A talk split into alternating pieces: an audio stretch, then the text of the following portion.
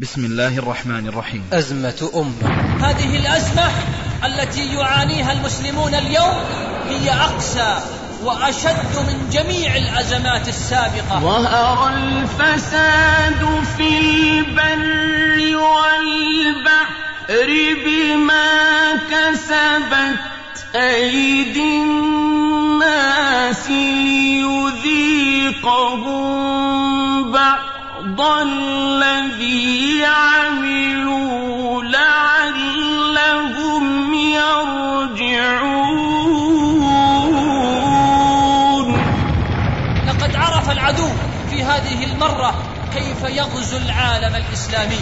لم يستخدم في هذه المرة الدبابات ولا قاذفات القارات. استخدم ما يسمى بالغزو الفكري أزمة أمة. وما مقاهي الإنترنت المنتشرة في كل شارع وزاوية إلا أوكار للفساد وبيوت للدعارة. شعوب الأرض في دعة وأمن وهذا الشعب تنهشه القروح. تناوشه الطغاة فأين يمضي؟ وهل بعد النزوح غدا النزوح؟ يقارع طغمة الإجرام فردا فيخرج علينا جيل ينادي بالإباحية ويحارب الفضيلة أزمة أمة وصار أبناء البلد أزمة. هم الذين أزمة. يحاربون الدين والخلق والفضيلة أزمة. من الذي يكتب أزمة. ويطالب مثلا أزمة. بعمل المرأة أزمة. من الذي يطالب أزمة. بفتح أندية رياضية للنساء أزمة. أهم اليهود أزمة. أهم النصارى أزمة. الجواب لا أزمة أمة إنهم ممن يدعي الإسلام بل وتحت مظلة الإسلام يحارب الدين وأهله. لقد نجح العدو في هذه المرة بأن جعل أبناء البلد هم الذين يتكلمون بلسانه ويعبرون عما يريد وتحت لافتة في ظل الضوابط الشرعية. زعموا إنها أيها الأحبة أزمة حادة وأية أزمة. وهذا الجرح في كبدي يصيح وهذا الجرح في كبدي يصيح وهذا الجرح تسجيلات الهجرة الإسلامية بالخبر. تقدم أزمة أمة. لفضيلة الشيخ ناصر الأحمد. إن الحمد لله نحمده ونستعينه ونستغفره. ونعوذ بالله تعالى من شرور أنفسنا ومن سيئات أعمالنا. من يهده الله فلا مضل له ومن يضلل فلا هادي له. وأشهد أن لا إله إلا الله وحده لا شريك له. وأشهد أن نبينا محمدا عبده ورسوله. يا أيها الذين آمنوا اتقوا الله حق تقاته ولا تموتن إلا وأنتم مسلمون. يا أيها الناس اتقوا ربكم الذي خلقكم من نفس واحدة وخلق منها زوجها وبث منهما رجالا كثيرا ونساء واتقوا الله الذي تساءلون به والأرحام إن الله كان عليكم رقيبا يا أيها الذين آمنوا اتقوا الله وقولوا قولا سديدا يصلح لكم أعمالكم ويغفر لكم ذنوبكم ومن يطع الله ورسوله فقد فاز فوزا عظيما. أما بعد أيها المسلمون لقد مرت الأمة في تاريخها الطويل بأزمات كثيرة بل بنكبات عديدة كان المسلمون يفقدون فيها تمكنهم في الأرض أحيانا وأحايين كثيرة كانوا يفقدون أمنهم وطمأنينتهم وأحيانا كانوا يفقدون ديارهم وأموالهم. وهكذا الفتن والمصائب والنكبات يا عباد الله إذا نزلت بالأمم وحلت بالشعوب لكن الأمة الإسلامية مع ما سبق ذكره لم تمر بتجربة أقسى ولا وضع مؤلم ولا واقع مشين. من تجربتها ووضعها وواقعها الحالي فإنا لله وإنا إليه راجعون. إليكم يا عباد الله نماذج وأمثلة من نكبات وأزمات مرت بأمة الإسلام على مر تاريخها. ثم كيف اجتازتها وخرجت منها لنصل إلى أزمتنا الحالية وما السبب في بقاء الأمة هذه الفترة الطويلة من الزمن دون مخرج. فنبدأ بأزمة الردة. حينما ارتدت قبائل عن الإسلام في زمن خلافة الصديق رضي الله عنه أزمة حادة ولا شك. دولة الإسلام كانت دولة ناشئة دولة طرية وكان أمامها عقبات كثيرة يطلب منها أن تجتازه فتأتي قبائل بأكملها. كانت قد دخلت في الإسلام وكان يؤمل عليها أشياء وأشياء فإذا بالخبر أنها قد ارتدت عن الدين ورجعت كافرة مشركة بعد أن كانوا مسلمين. أزمة مرت بالمسلمين لكن منذ بدايتها وفي أول لحظة منها لم يخالج الصحابة أدنى شك في أن النصر سيكون للدولة المسلمة وليس للمرتدين هنا أو هناك. لماذا أيها الأحبة؟ ما هو السبب؟ السبب هو أن صلتهم بربهم وإخلاصهم لدينه وصدقهم مع الله كان أضعاف أضعاف إيمان المرتدين بباطلهم المزيف الذي يقاتلون من ورائه مع خلو موقفهم من إيه قيمة حقيقية إلا الهوى والشهوات. وما كان من جزع الصحابة رضي الله عنهم ومشورتهم على أبي بكر رضي الله عنه بالتريث في قتالهم لم يكن ذلك لشك في نفوسهم أن الله سينصر دينه. إنما كانت مشورتهم من أجل إتاحة الفرصة لتجميع الجيش الكافي للمعركة. ولكن إيمان أبي بكر الراسخ رضي الله عنه وثقته العميقة بوعد الله بالتمكين لهذا الدين في الأرض وحساسيته المرهفة أن يترك الخارجين على أمر الله دون أن يسارع في توقيع العقوبة التي أمر الله بإنزالها بهم كل ذلك قد فعل فعله في نفوس الصحابة رضي الله عنهم فوقفوا صفا واحدا خلف أبي بكر ونصر الله دينه كما وعد ومرت الأزمة بشكل طبيعي. تأتي أزمة ثانية. فتنة مقتل عثمان رضي الله عنه خليفة المسلمين أمير المؤمنين الحاكم يقتل في بيته من بين أهله وعلى مرأى ومسمع من الناس. والصحابة حضور يشهدون الحادثة إنها ازمه حادة ولا شك ابتلي بها المسلمون والدولة ما تزال في نشأتها. وعداوات الأرض قائمة من حولها لكن الناظر إلى مجريات الأمور يومئذ يرى أن هذه الازمه أيضا مر ولم يحصل شرخ في الدولة. ما السبب؟ السبب هو لأن الخلاف الذي حصل بين المسلمين على كل عمقه وعلى كل ما أثاره من فرقة في صفوفهم كان خلافا على من يتولى الأمر ليمكن للإسلام في الأرض ولم يكن خلافا على الإسلام ذاته. انتبه لم يكن خلافهم على الإسلام ذاته هل يصلح أن يكون قاعدة حياتهم أو لا يصلح؟ هل نحكم به أو لا نحكم؟ هل نأخذه كله أو بعضه؟ هذه القضايا كانت محسومة عندهم. ولهذا عندما تأتي أزمة كهذه قتل ولي أمر المسلمين لا يمكن أن يسبب ذلك سقوطا للدولة أو شرخ في نظام الحكم.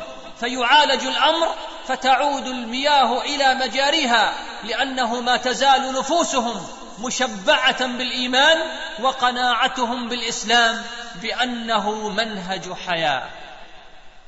مثال ثالث أزمة الحروب الصليبية وحروب التتار التي عصفت بالأمة وقتا من الزمن كانت أزمة حادة في حياة المسلمين. وبدا انها يمكن ان تطيح بالكيان الاسلامي كله وان تجتث المسلمين من الأرض. لكن ماذا كانت النتيجة؟ ماذا كانت النتيجة؟ كانت النتيجة الواقعية غير ذلك. وجاء النصر من عند الله في النهاية أما البداية فقد هزم المسلمون أمام أعدائهم الصليبيين لأن واقعهم كان واقعا سيئا مليئا بالمعاصي والبدع والخرافات والانحرافات والشتات والفرقة والانشغال بالدنيا عن نصرة دين الله والتمكين له في الأرض لذلك اجتاحت جيوش الأعداء أراضي المسلمين وأزالت سلطانهم إلى حين. لكن في النهاية جاء نصر الله عز وجل. لماذا؟ لأن جذوة العقيدة كانت ما تزال حية في النفوس وإن غشيتها غاشية من التواكل والسلبية أو الانشغال بشهوات الأرض فما أن تحرك العلماء وجاء القادة المخلصون الذين يردون الناس إلى الجادة بدعوتهم للرجوع إلى حقيقة الإسلام حتى صحت الجذوة واشتعلت قام صلاح الدين الأيوبي رحمه الله تعالى يقول للناس لقد هزمتم لبعدكم عن طريق الله ولن تنصروا حتى تعودوا إلى الطريق. وقام شيخ الإسلام ابن تيمية رحمه الله تعالى يدعو لتصحيح العقيدة مما طرأ عليها من غبش المتكلمين وضلالاتهم ومن تحريف الفرق وتأويلاتهم.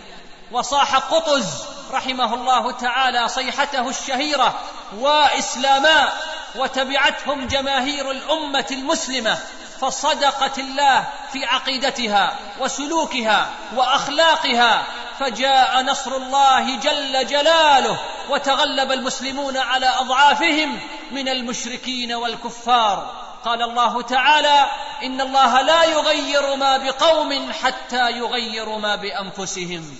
وأولئك غيروا ما بأنفسهم فغير الله حالهم من هزيمة وذلة إلى نصر وعزة ولله العزة ولرسوله وللمؤمنين. مثال رابع أزمة الأندلس.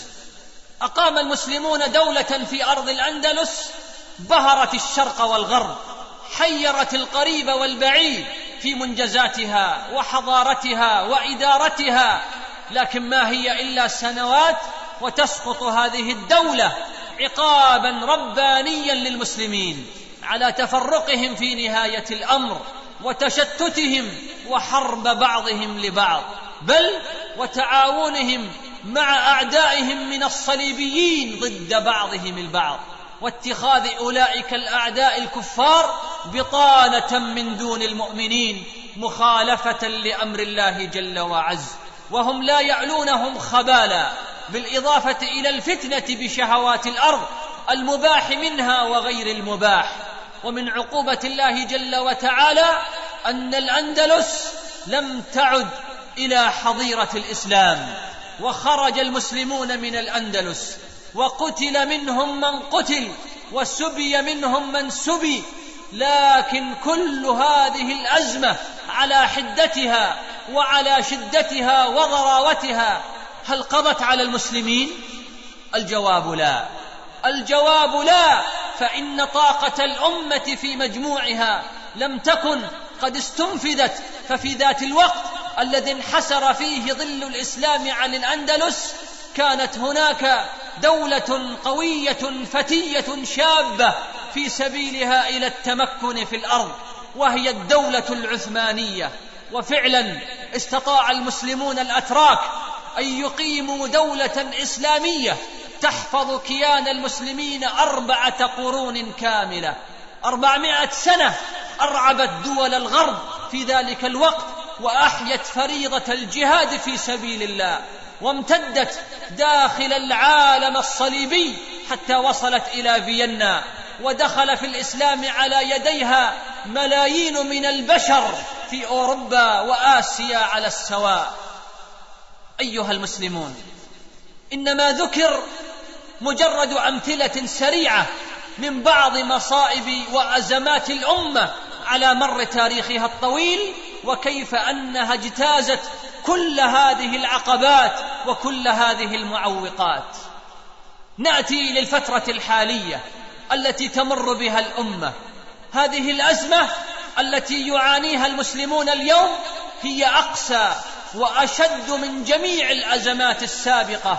من جهة ومن جهة أخرى طالت عن سابقتها وصار الناظر يرى يرى أن الفجر بعيد عندما وقعت الحروب الصليبية بين المسلمين والصليبيين والتي استمرت حوالي مئتي عام وجاء بعدها غارات التتار على ديار المسلمين كان المسلمون قد شغلوا عن الإسلام الصحيح ببدع وخرافات ومعاصي وتواكل وتقاعس وقعود عن الأخذ بالأسباب. ولكن الإسلام ذاته لم يكن في نفوسهم موضع نقاش لا بوصفه عقيدة ولا بكونه نظام حكم أو نظام حياة. وحتى حين كانوا يهزمون أمام الصليبيين أو أمام التتار ومع ما كان ينزل بهم أعداءهم من القهر والقتل والخسف لم يكن صدى الهزيمة في نفوسهم هو الشك في الإسلام بل كانوا يعتقدون بأن ما أصابهم ما هو إلا لبعدهم عن الدين. كانت تنزل بهم الهزائم والنكبات لكن لم يكونوا يتطلعون إلى ما عند أعدائهم من عقائد أو أفكار أو نظم أو أنماط سلوك بل كانوا يشعرون حتى وهم مهزومون بازدراء شديد لأعدائهم. كان التتار في حسهم. همجا لا دين لهم ولا حضارة. كان الصليبيون في نظرهم. هم الكفار المشركون عباد الصليب.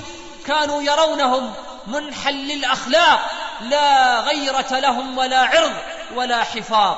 لذلك لم يهنوا. لذلك لم يهنوا. حتى وهم مهزومون أمام أعدائهم فترة غير قصيرة من الزمن ولم يشعروا أنهم أدنى من أعدائهم بل كان يتمثل فيهم قول الله تبارك وتعالى ولا تهنوا ولا تحزنوا وأنتم الأعلون إن كنتم مؤمنين وكانوا مؤمنين حقا نسأل الله جل وتعالى إيمانا في قلوبنا وعملا صالحا لآخرتنا وأن يهيئ لهذه الأمة من أمرها رشدا وأن يعجل فرجها. إنه ولي ذلك والقادر عليه. أقول هذا القول وأستغفر الله جل وتعالى لي ولكم فاستغفروه. إنه هو الغفور الرحيم. الحمد لله على إحسانه. وأشكره على توفيقه وامتنانه. وأشهد أن لا إله إلا الله وحده لا شريك له. تعظيما لألوهيته وربوبيته وأسمائه وصفاته وأشهد أن نبينا محمدا عبده ورسوله الداعي إلى جنته ورضوانه. فصلوات ربي وسلامه عليه وعلى آله وعلى أصحابه وسلم تسليما مزيدا.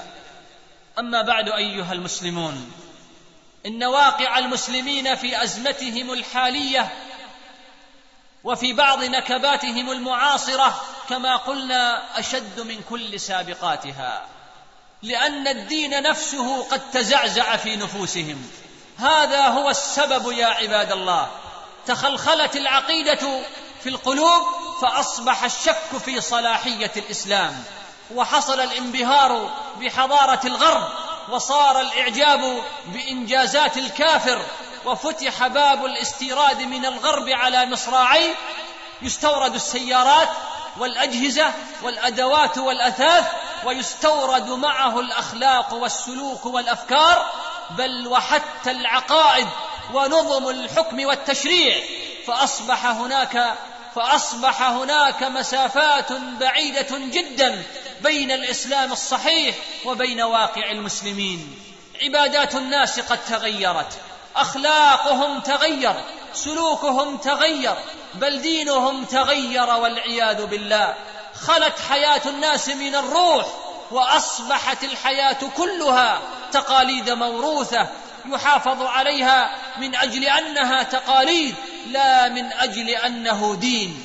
فالعبادة تقاليد والسلوك تقاليد وحجاب المرأة الذي صار كل يوم يتقلص تقاليد وقضية العرض.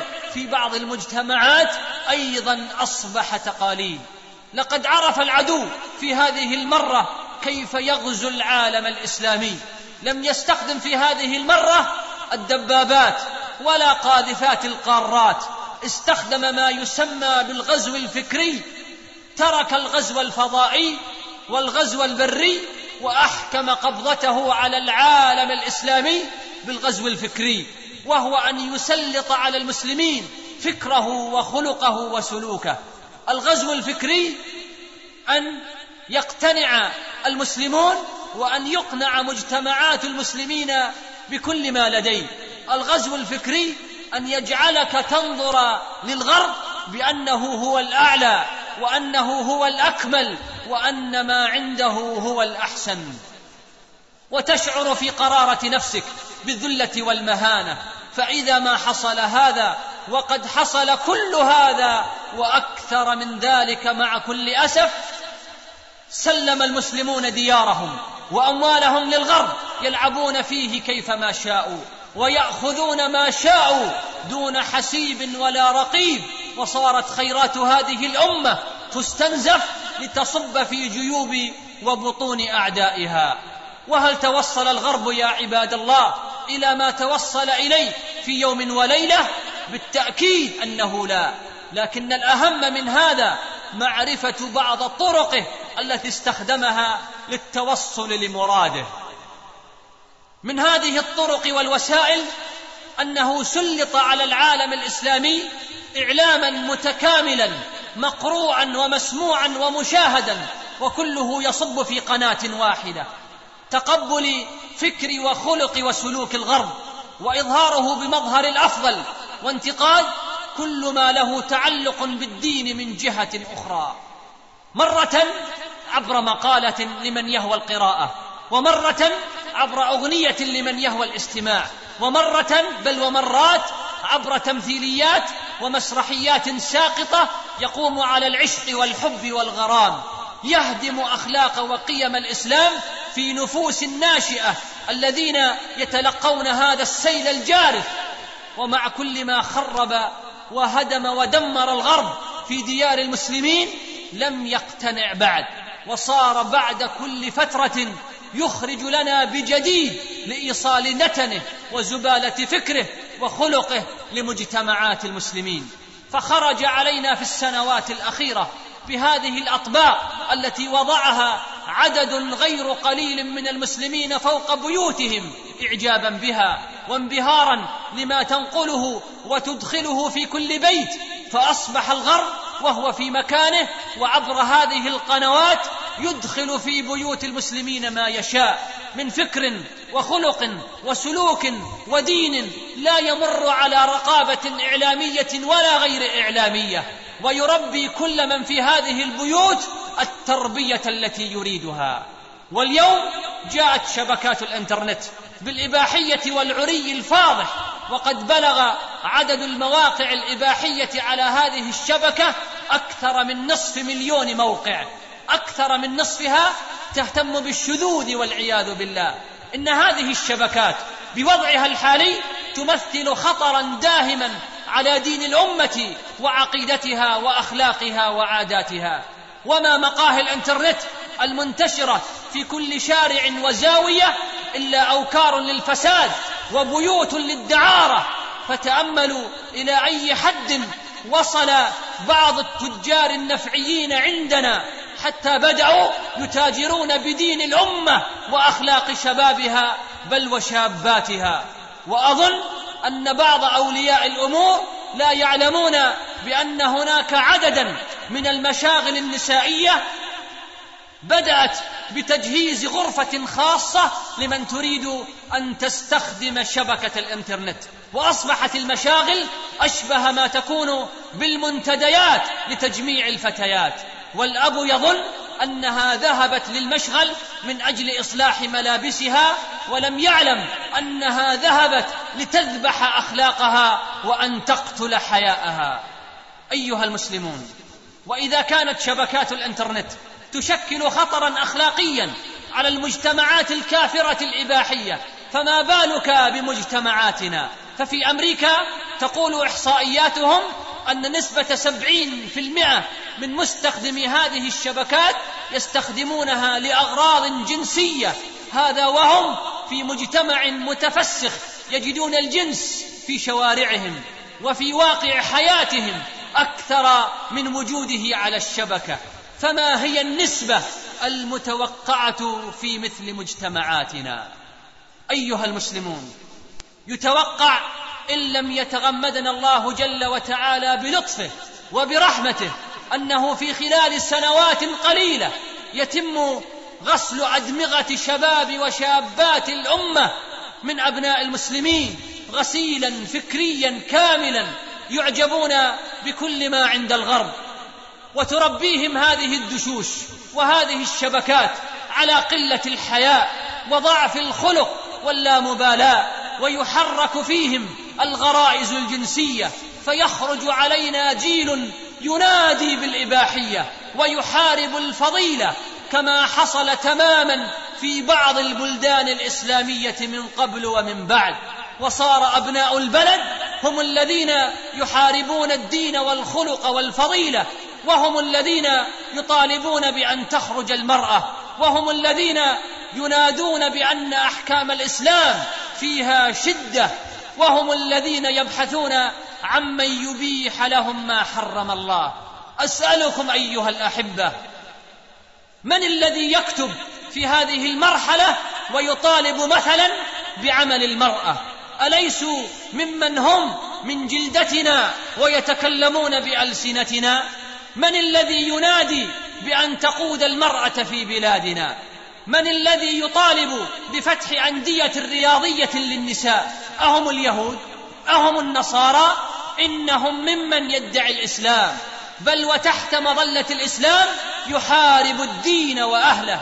لقد نجح العدو في هذه المرة بأن جعل أبناء البلد هم الذين يتكلمون بلسانه ويعبرون عما يريد وتحت لافتة في ظل الضوابط الشرعية. زعموا إنها أيها الأحبة أزمة حادة وأية أزمة. أضف إلى ذلك بأنه لم يغب عن بال أعداء الشريعة وخصوم الملة غطاء رسمي آخر.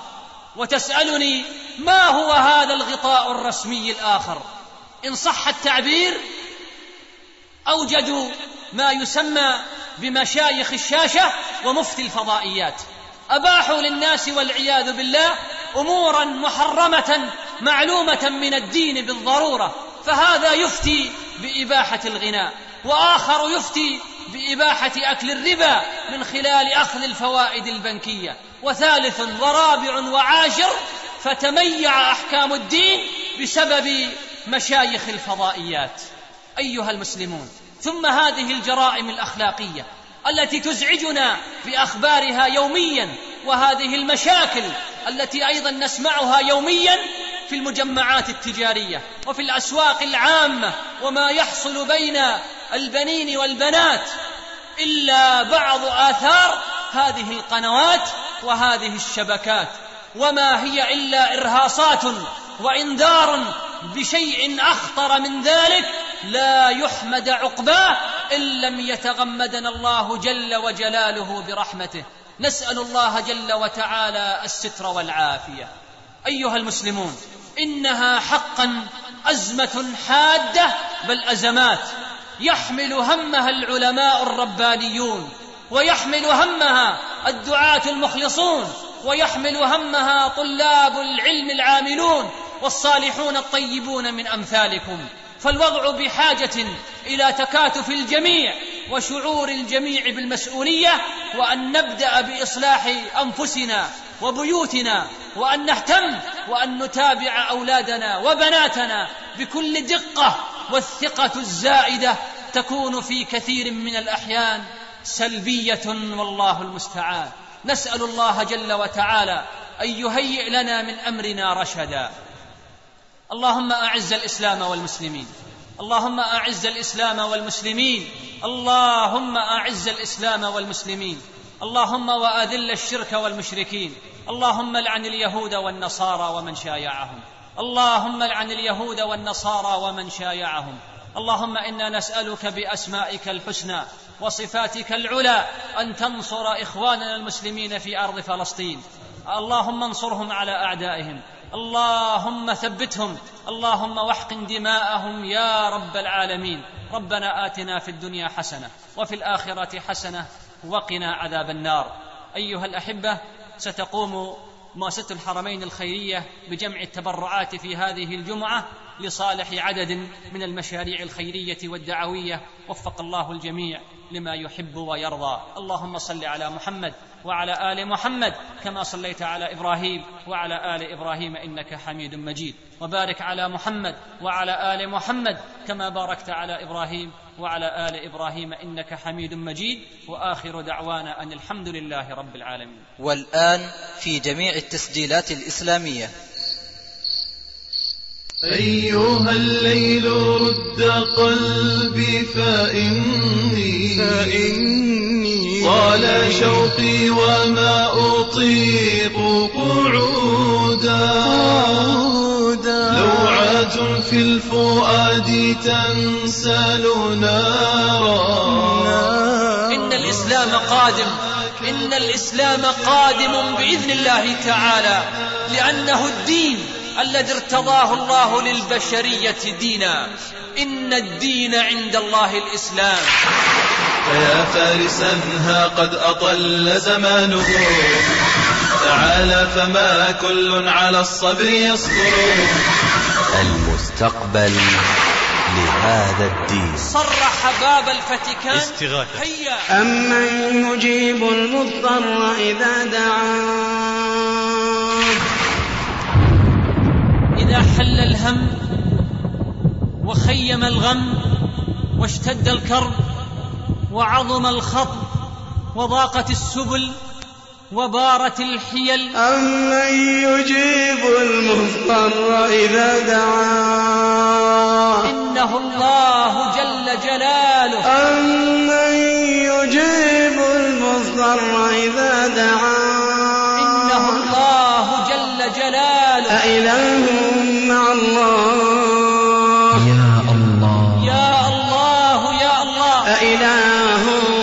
مع الله. يغفر ذنبا ويفرج كربا يحيي ميتا ويميت حيا ويعز من يشاء ويذل من يشاء يجبر كثيرا ويغني فقيرا.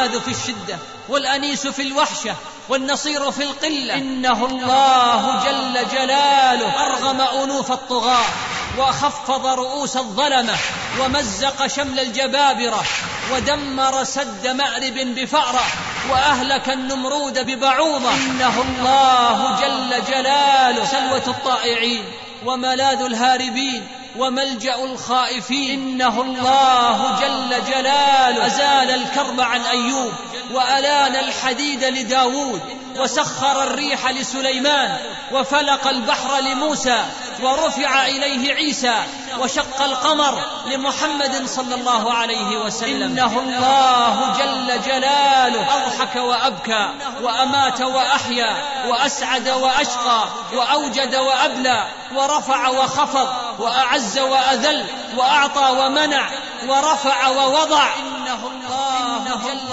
إنه الله جل جلاله. أإله مع الله. تسجيلات القادسية الإسلامية بالدمام تقدم إنه الله جل جلاله. لفضيلة الشيخ ناصر الأحمد. وختاما تقبلوا تحيات إخوانكم في تسجيلات الهجرة الإسلامية بالخبر. هاتف رقم ثمانية تسعة خمسة أربعة ستة تسعة سبعة. جوال صفر خمسة أربعة تسعة ثمانية خمسة ستة اثنان تسعة. والسلام عليكم ورحمة الله وبركاته.